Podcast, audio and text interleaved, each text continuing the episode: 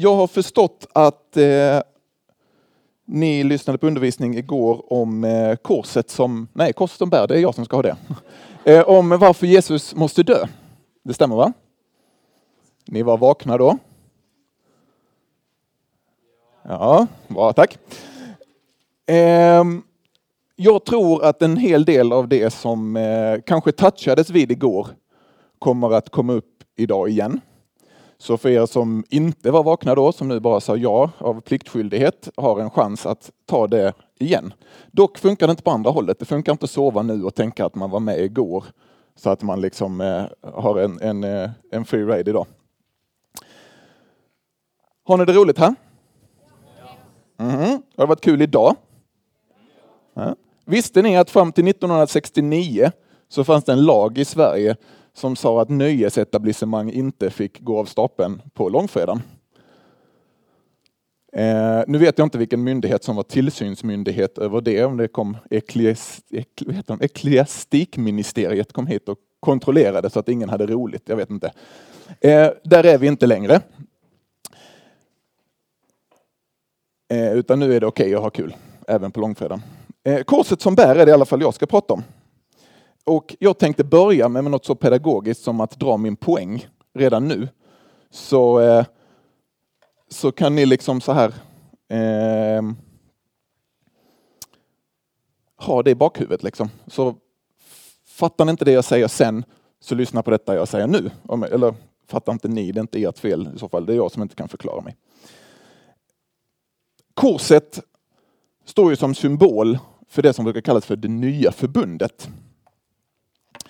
Eh, om du sitter här och funderar på oh, nya förbundet, fanns det ett gammalt förbund? Jag kommer gå igenom det där om en liten stund. Eh, så var det så bär det för att det var Gud som ingick det förbundet med oss. Okay? Gud ingick förbundet med oss. Skapandet, upprätthållandet, det ligger helt på honom. På Gud alltså. Det kommer inte an på oss. Oavsett, alltså jag, jag snubblade, jag, det här slängde in här nu för jag snubblade på detta här idag. Eh, vi fick ICAs reklamblad hem. Och de basunerar ut på varje sida, jag kan visa på framsidan. Du skapar påsken, säger ICA. Och det är helt fel. Okej? Okay? Fel, det jag kommer prata om rätt. Det är inte vi som skapar påsken. Oavsett vad ICA har att säga i sin reklam så ligger det inte an på oss. Det här jag ska komma till. Vi upprätthåller inte påsken. Påsken, det som hände då, det är någonting Gud gjorde för oss. Okay? Tre stycken pedagogiska ord här som jag kommer att vila lite på idag. Nu får jag vara så att jag kan komma åt min... Det är jättekul med sådana här, eh, så det händer grejer på skärmen. Gud upprättar, Gud upprätthåller och Gud uppfyller förbundet. Det är helt på honom. Förbundet är Guds business. Okej. Okay.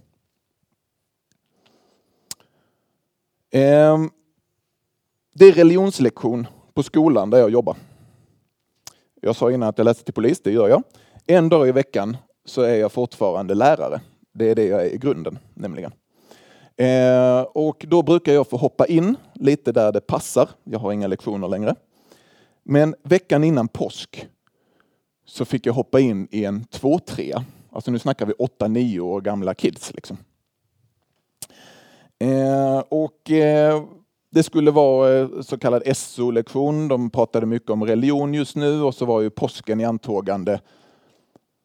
Så då fick jag prata påsken med de här 8-9-åringarna. Det här fick jag i knät när jag kom till jobbet den dagen. Att eh, Daniel, du kan ju ta den. Eh, jag är inte så bra på 8-9-åringar, men jag tänkte vi kan ju alltid prata om vad Bibeln lär. Så vi pratade om Jesus. Vi pratade om att han föddes i ett stall. Vi pratade om att det var därför vi firar jul. Vi pratade om vad Jesus gjorde hela dagarna.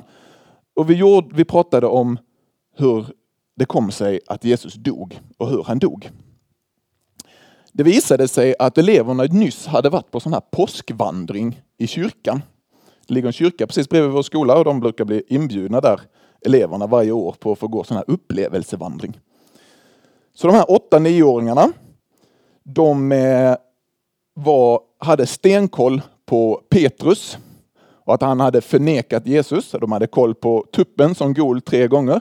De hade koll på att Jesus red in i en stor stad på en åsna och att det var en massa människor som slängde kläder på honom.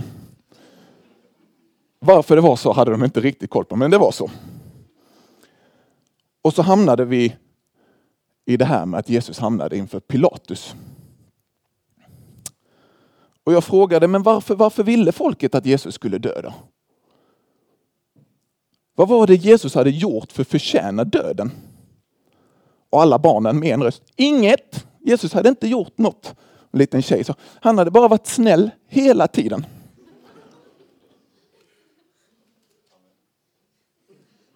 Och sen var det en liten kille, åtta år gammal.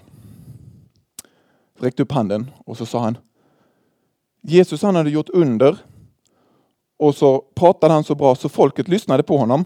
Och det var det som fick alla prästerna och politikerna att bli alldeles avundsjuka.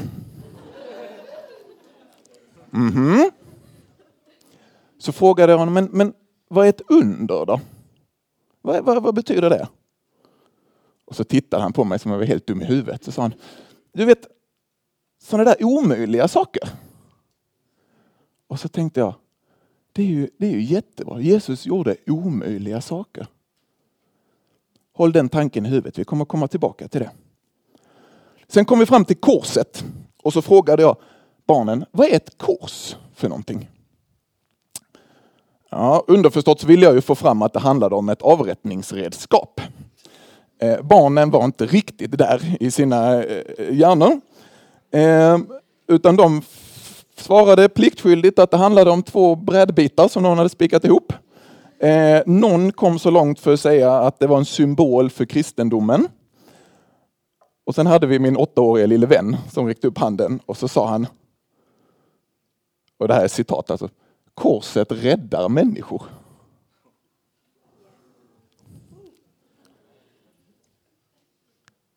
Huvudet på spiken. Korset räddar människor. Jag har sedan den lektionen funderat alltså hur mycket visdom det finns i det här svaret från en liten åttaårig kille på en religionslektion i skolan. För Jesu död på korset, det markerar starten på det nya förbund som Gud sluter med oss människor. Samtidigt så är Jesu död på korset liksom underskriften på, på det här förbundet. Men för att förstå vidden av vad det betyder, det här nya förbundet, så ska vi ta och titta lite på det gamla förbundet. Det som Jesus slutförde i och med att han dog på korset. När han med kraft uttalade orden det är fullbordat. Lite som ett ramverk över kvällens undervisning så kommer vi utgå från Hebreerbrevet kapitel 6, verserna 13 till 20. Och jag läser här. Eh, när Gud gav löftet åt Abraham svor han vid sig själv. Han hade ju ingen högre att svära vid. Han sa, jag ska rikligt välsigna dig och rikligt föröka dig. Så fick Abraham efter tålig väntan vad Gud hade lovat. Människor svär ju vid den som är större än de själva. Och eden bekräftar vad de sagt och gör slut på alla deras invändningar. Eftersom Gud ännu klarar, eh, nu ska vi se, Just det.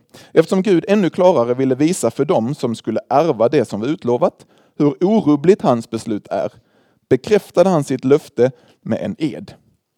Så skulle vi genom två orubbliga uttalanden, och det är löftet och eden, eh, i vilka Gud omöjligt kan ljuga, få en kraftig uppmuntrad, vi som har sökt vår tillflykt i att hålla fast vid det hopp vi äger. I detta hopp har vi ett tryggt och säkert själens ankare som når innanför förlåten. Dit Jesus för vår skull gick in och öppnade vägen för oss när han blev överste präst för evigt, en sådan som Melkisedek. Kort bara. När vi brukar tala om förbund så brukar vi typ nästan med våra 2015 glasögon prata om som att det är som ett avtal. Ehm, de flesta av er är inte gamla nog att ingå avtal, eh, men i takt med att ni blir äldre så kommer det börja hagla grejer ni ska skriva under. Eh, och typexempel handlar ju om sådana här mobiltelefoner. Telenor och jag har ett avtal. De lovar att ge mig telefonservice om jag lovar att ge dem 450 spänn i månaden. Slutar jag betala så slutar de ge mig service. Slutar de ge mig service så behöver inte jag betala. Eller ger de inte mig den servicen som de lovar så behöver inte jag betala. Vi är liksom likar in i ett avtal. Eh, sättet som jag som privatperson går in i ett sånt här avtal är att jag sätter min underskrift på något. Oftast eh, papper. Underskriften indikerar att jag går in fullt ut med mig själv. Jag går med på allting som står på det här pappret.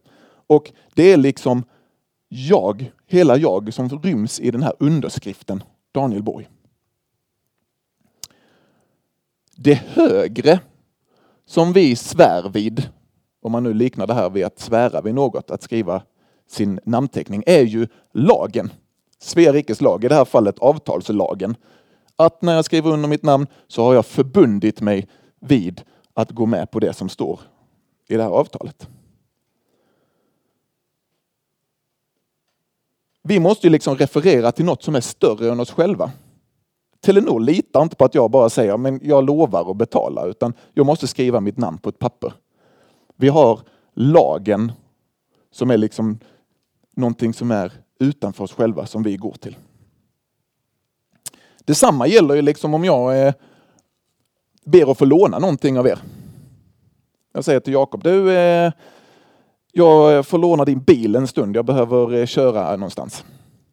Då går jag ju in med mitt förtroendekapital som jag och Jakob, eller som Jakob, om man nu har något, har byggt upp hos mig. Eh, liksom att han, han litar på att ja, men jag lämnar tillbaka bilen, jag ska inte sno den. Jag kommer inte köra rally och sabba den. Eh, och han kommer få tillbaka den fulltankad.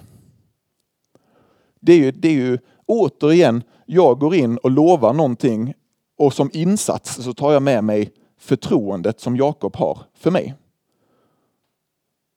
Om jag inte lämnar tillbaka bilen så som han vill ha den så blir det skadat. Och i nästa steg så kommer han ju inte lita på mig nästa gång jag kommer och vill låna någonting. Jag måste referera till någonting utanför mig. Bara jag själv håller liksom inte riktigt. Men med Gud är det annorlunda. För det första har Gud ingen like att ingå avtal med. Står här, han har ingen högre att svära vid. Men likväl ingår han förbund flera gånger i Gamla Testamentet. Jag ska lite snabbt referera, det kommer inte upp texter på väggen här, eh, hur det gick till när han och Abraham ingick förbund. Ni kan läsa om detta i första Mosebok kapitel 12 om ni vill sen. Behöver inte slå upp det nu. Gud kallar Abram, som han hette då. Det är knepigt när de byter namn i Gamla Testamentet. Eh, I alla fall, Gud kallar Abram och beordrar honom att, som det står, stå upp och lämna ditt land och din far och gå dit eh, som Gud skulle visa honom. Så säger Gud, där ska jag göra dig till ett stort folk. Jag ska välsigna den som välsignar dig och förbanna den som förbannar dig. I dig ska alla släkter på jorden bli välsignade. Vi som har frälsningshistorien i bakhuvudet förstår ju att här ligger ju en framåtsyftning till Jesus. Abraham gick och Gud kom än en gång till Abraham och så sa han, jag är din sköld, din lön ska bli mycket stor. Och då svarade Abraham till Gud, Herre, Herre, vad ska du ge mig? Jag går ju bort barnlös. Ni kan historien, Abraham var mycket gammal, han hade inte fått några barn. Gud svarade, en som kommer från din kropp ska bli din arvinge. Här är löftet om att han ska få en son. Lite senare så säger Gud, jag är Herren som fört dig ut ur kaldeiska ur för att ge dig detta land som arvedel. Och Abraham svarar och frågar såklart, hur ska jag kunna veta att jag ska få ärva det? Och då svarar Gud, hämta en kviga, en get, en bagge, en turturduva och en ung duva. Nu börjar någonting gå upp här hos Abraham. Det är nämligen så här, på den tiden när man ingick förbund så tog man de här djuren och så styckade man dem på mitten och så la man halvorna liksom, en där och en där. Och sen tar man nästa djur och lägger en halva där och en halva där. Så det bildar liksom en gång emellan de här djurhalvorna. Och sen de som har ingått förbund, då står man här och så säger man vi kommer överens om det här, jag ska göra det här, du ska göra det här eller vad det nu handlar om. Och sen går man igenom de här djurhalvorna. I syfte att man säger om jag inte håller det vi har kommit överens om där så får du göra med mig som har hänt med de här, barn, eh, med de här djuren. Barnen, glöm barnen, djuren. Oops. Hade vi haft den typen av avtal i Sverige så hade vi nog hållit oss lite tajtare till det vi säger. Jag vet inte. Och här kommer en spännande twist. Jag har inte riktigt hajat vad som händer här. Vi läser ur första Mosebok kapitel 15, 17 till 21. När solen hade gått ner och det blivit alldeles mörkt syntes en rykande ugn och en brinnande fackla som for fram mellan köttstyckena. På den dagen slöt Herren ett förbund med Abraham och, sa, och sade Åt dina efterkommande ska jag ge detta land, från Egyptens flod ända till den stora floden, floden Eufrat. Sen kommer alla de här konstiga landsnamnen och deras land. Abraham går aldrig igenom djurhalvorna. Det är bara Gud som går emellan. Det är bara han som skriver under det här avtalet. Helt utan mänsklig motprestation.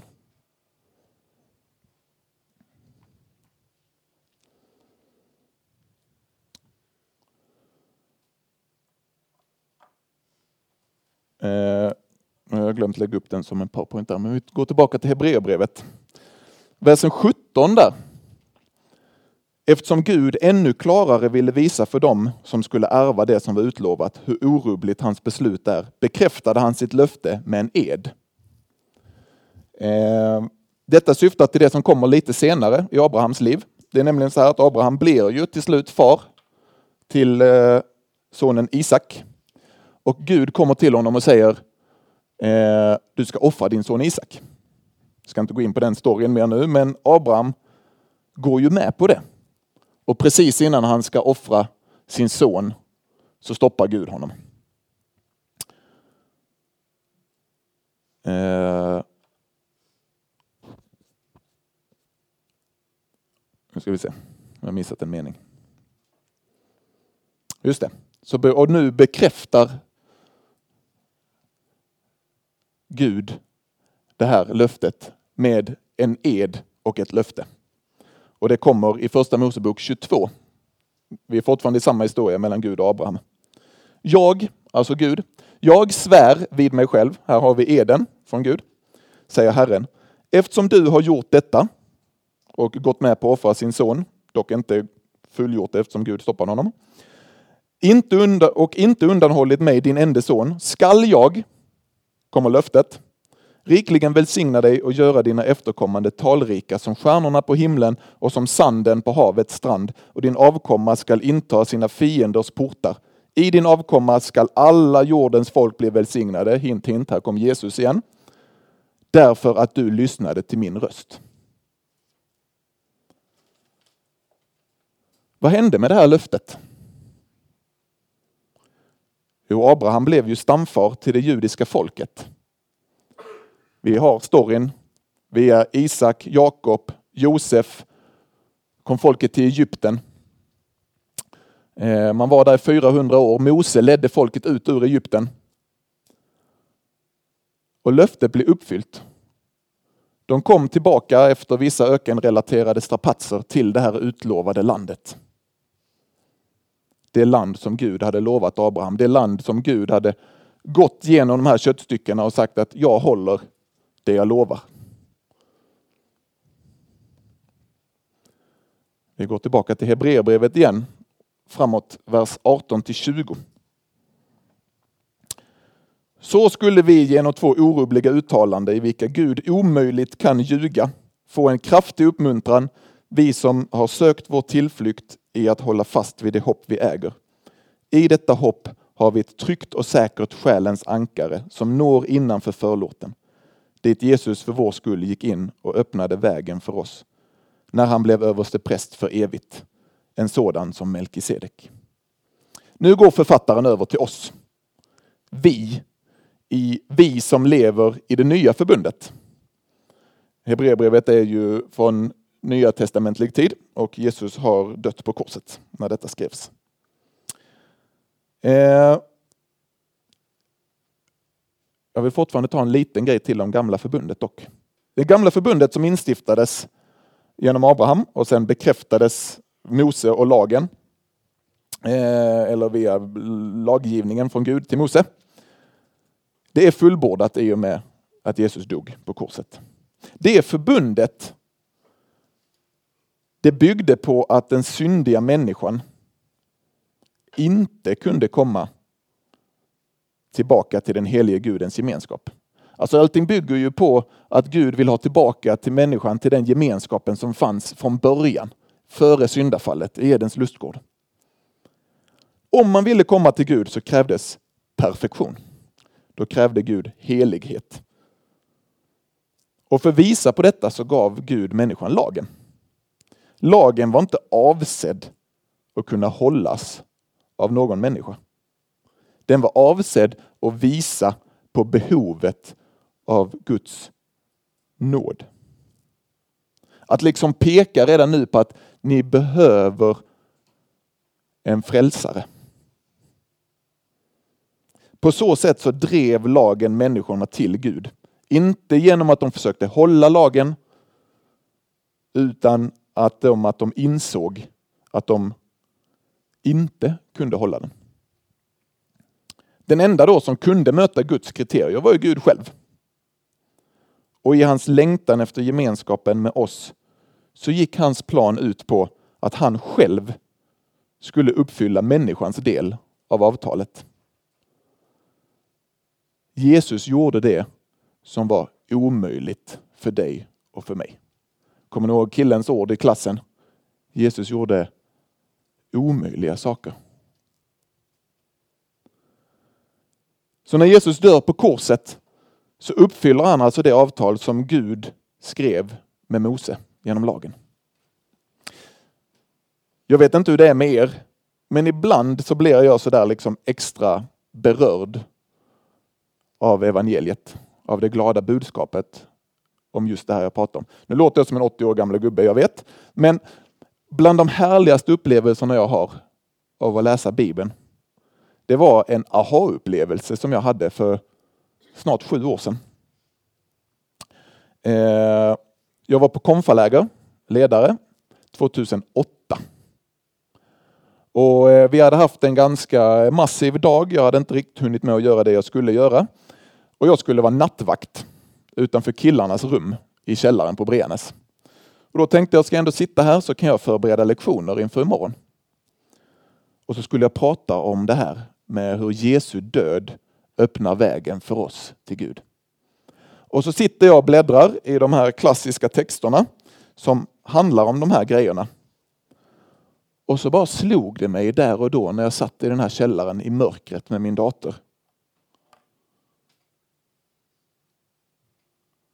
Jag läste den här texten. Jesaja 53, vers 3-6. Han var föraktad och övergiven av människor. En smärtornas man och förtrogen med lidande, lik en som man skyler ansiktet för. Så föraktad att vi räknade honom för intet. Men det var våra sjukdomar han bar. Våra smärtor tog han på sig medan vi höll honom för var hemsökt, slagen av Gud och pinad. Han var genomborrad för våra överträdelsers skull, slagen för våra missgärningars skull. Straffet var lagt på honom för att vi skulle få frid. Och genom hans sår är vi helade. Vi gick alla vilse som får, var och en gick sin egen väg. Men all vår skuld la Herren på honom. Tårarna rann ner för mina kinder i mörkret på Brenäs. Läs gärna hela kapitel 53 om ni får möjlighet. Det fortsätter att beskriva hur Jesus offrade sig för vår skull. Korset blir underskriften från Gud på det här avtalet. Och det som skrivs under är vår befrielse från slaveri. Slaveriet under synden. Synden var ju det som höll oss fast, det som gjorde att vi inte kunde komma ända fram till Gud. Paulus talar i Kolosserbrevet om att Jesus strukit ut eller korsat över det skuldebrev som vittnade mot oss. Skuldebrevet var som offentliga handlingar där det liksom stod på, eh, på, på en vägg på torget att en slav tillhörde en viss människa. Man hade en skuld att återbetala som en, en slav, liksom. skulle arbeta av det. Nu var jag slav. Blev han friköpt eller arbetade sig fri, om, om, om, det var, om avtalet var uppfyllt, så markerar man det med att kryssa över det här skuldebrevet på allmän plats så alla skulle kunna se det, att den här människan är en fri man. Den bilden använder Paulus för att beskriva hur Jesus med korset kryssar över den skuld som vi har på grund av vår synd. Vi blir friköpta. Detta är det hopp vi äger, som det står i Hebreerbrevet. Vårt hopp ligger i det som vi har framför oss. Inte på grund av någonting som vi har gjort, eller kommer att göra, eller ens kan göra. Utan på grund av vad Jesus har gjort. Vår tro ger oss ingen fribiljett till en gräddfil i livet. Det blir liksom inte det blir inte ett perfekt liv bara för att man är kristen. Tvärtom så har kristna i alla tider haft det riktigt, riktigt jobbigt. De har fått uppleva motgångar och kastats hit och dit i sina livs stormar. Och när det stormar, då är det tryggt att ha ett ankare. Eh, jag är ingen sjöman, men eh, jag vet vad ett ankare, hur ett ankare fungerar. En båt utan ankare driver en hit, en dit, dit vågorna, dit eh, vinden vill ta båten.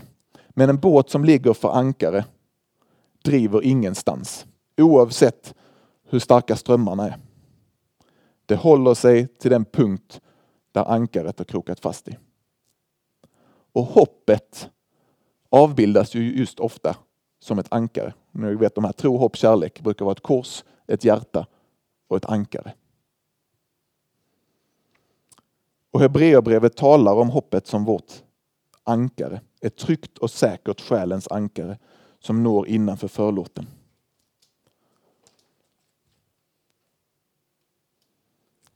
Förlåten var det här stora, tunga tygskynket som hängde i templet i Jerusalem på Jesu tid, som avskilde det allra heligaste. Platsen där Gud hade sagt att här inne, här finns jag.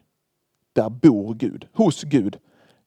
Där in fick översteprästen gå en gång om året. Det var en alldeles speciell plats. Och bara under speciella omständigheter. Där inne sitter vårt ankare. Fast förankrat inne hos Gud. Det är dit vi ska komma en dag. Tillbaka till gemenskapen med Gud. Det är det som vi har som vårt mål. Hur många här har sett filmen om The Hobbit? Okej. Okay. Eh, det finns ju den här scenen då eh, Gandalf skickar dvärgarna och Hobbit i den här skogen som är så de blir helt knäppa och knasiga. Är ni med på vilken jag menar? Eh, man blir helt eh, dåsig och dimmig där inne. Och så säger Gandalf så här, följ stigen. Går ni utanför stigen så kommer ni aldrig hitta den igen. Ja, säger de då, så börjar de gå. Och det dröjer inte länge förrän de är en här, en där och de inser att de har gått i cirklar. Och de blir tyngre och tyngre i huvudet tills Bilbo får en idé. Hans idé är att klättra upp i ett träd och liksom se efter det här, vad är det, ett berg eller någonting de är på jakt efter. Liksom. Ensliga berget heter det va. Så man klättrar upp där, får huvudet utanför skogen och kan se, där är berget, så kan han leda sina vänner rätt.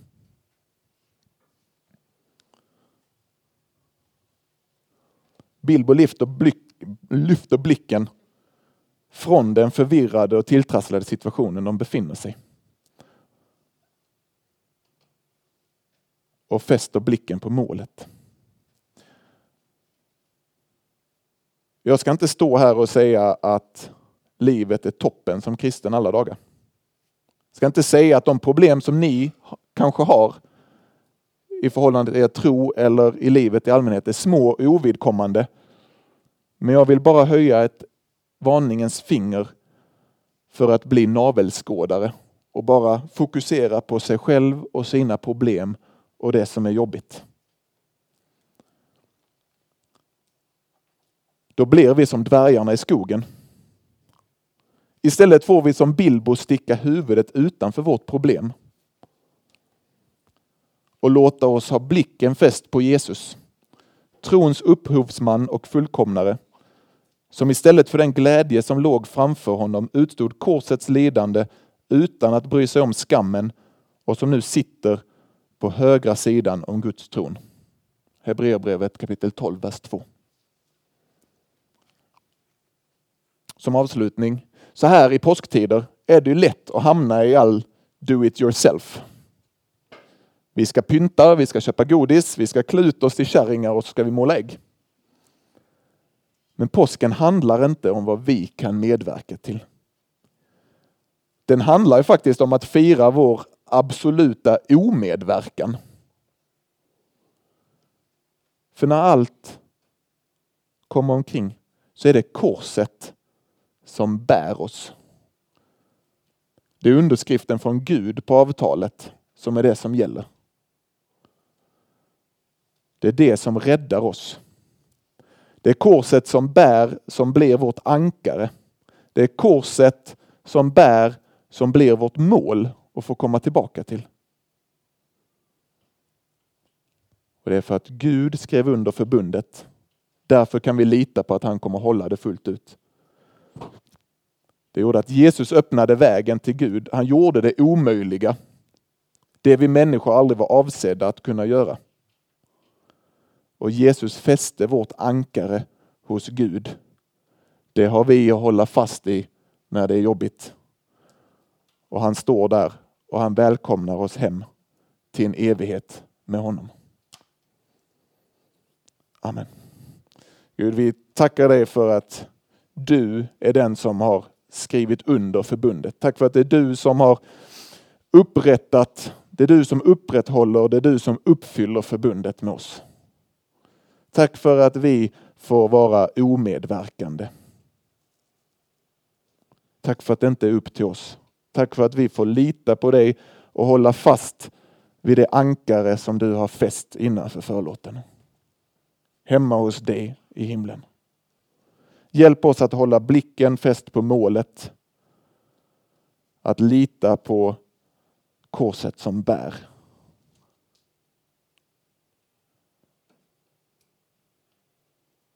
Amen.